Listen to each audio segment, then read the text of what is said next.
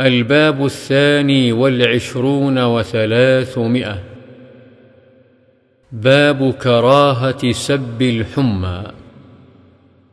عن جابر رضي الله عنه أن رسول الله صلى الله عليه وسلم دخل على أم السائب أو أم المسيب أو أم المسيب فقال ما لك يا أم السائب أو يا أم المسيب تزفزفين؟ قالت الحمى لا بارك الله فيها.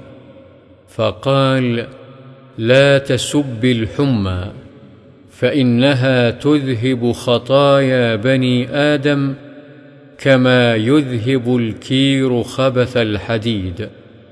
رواه مسلم.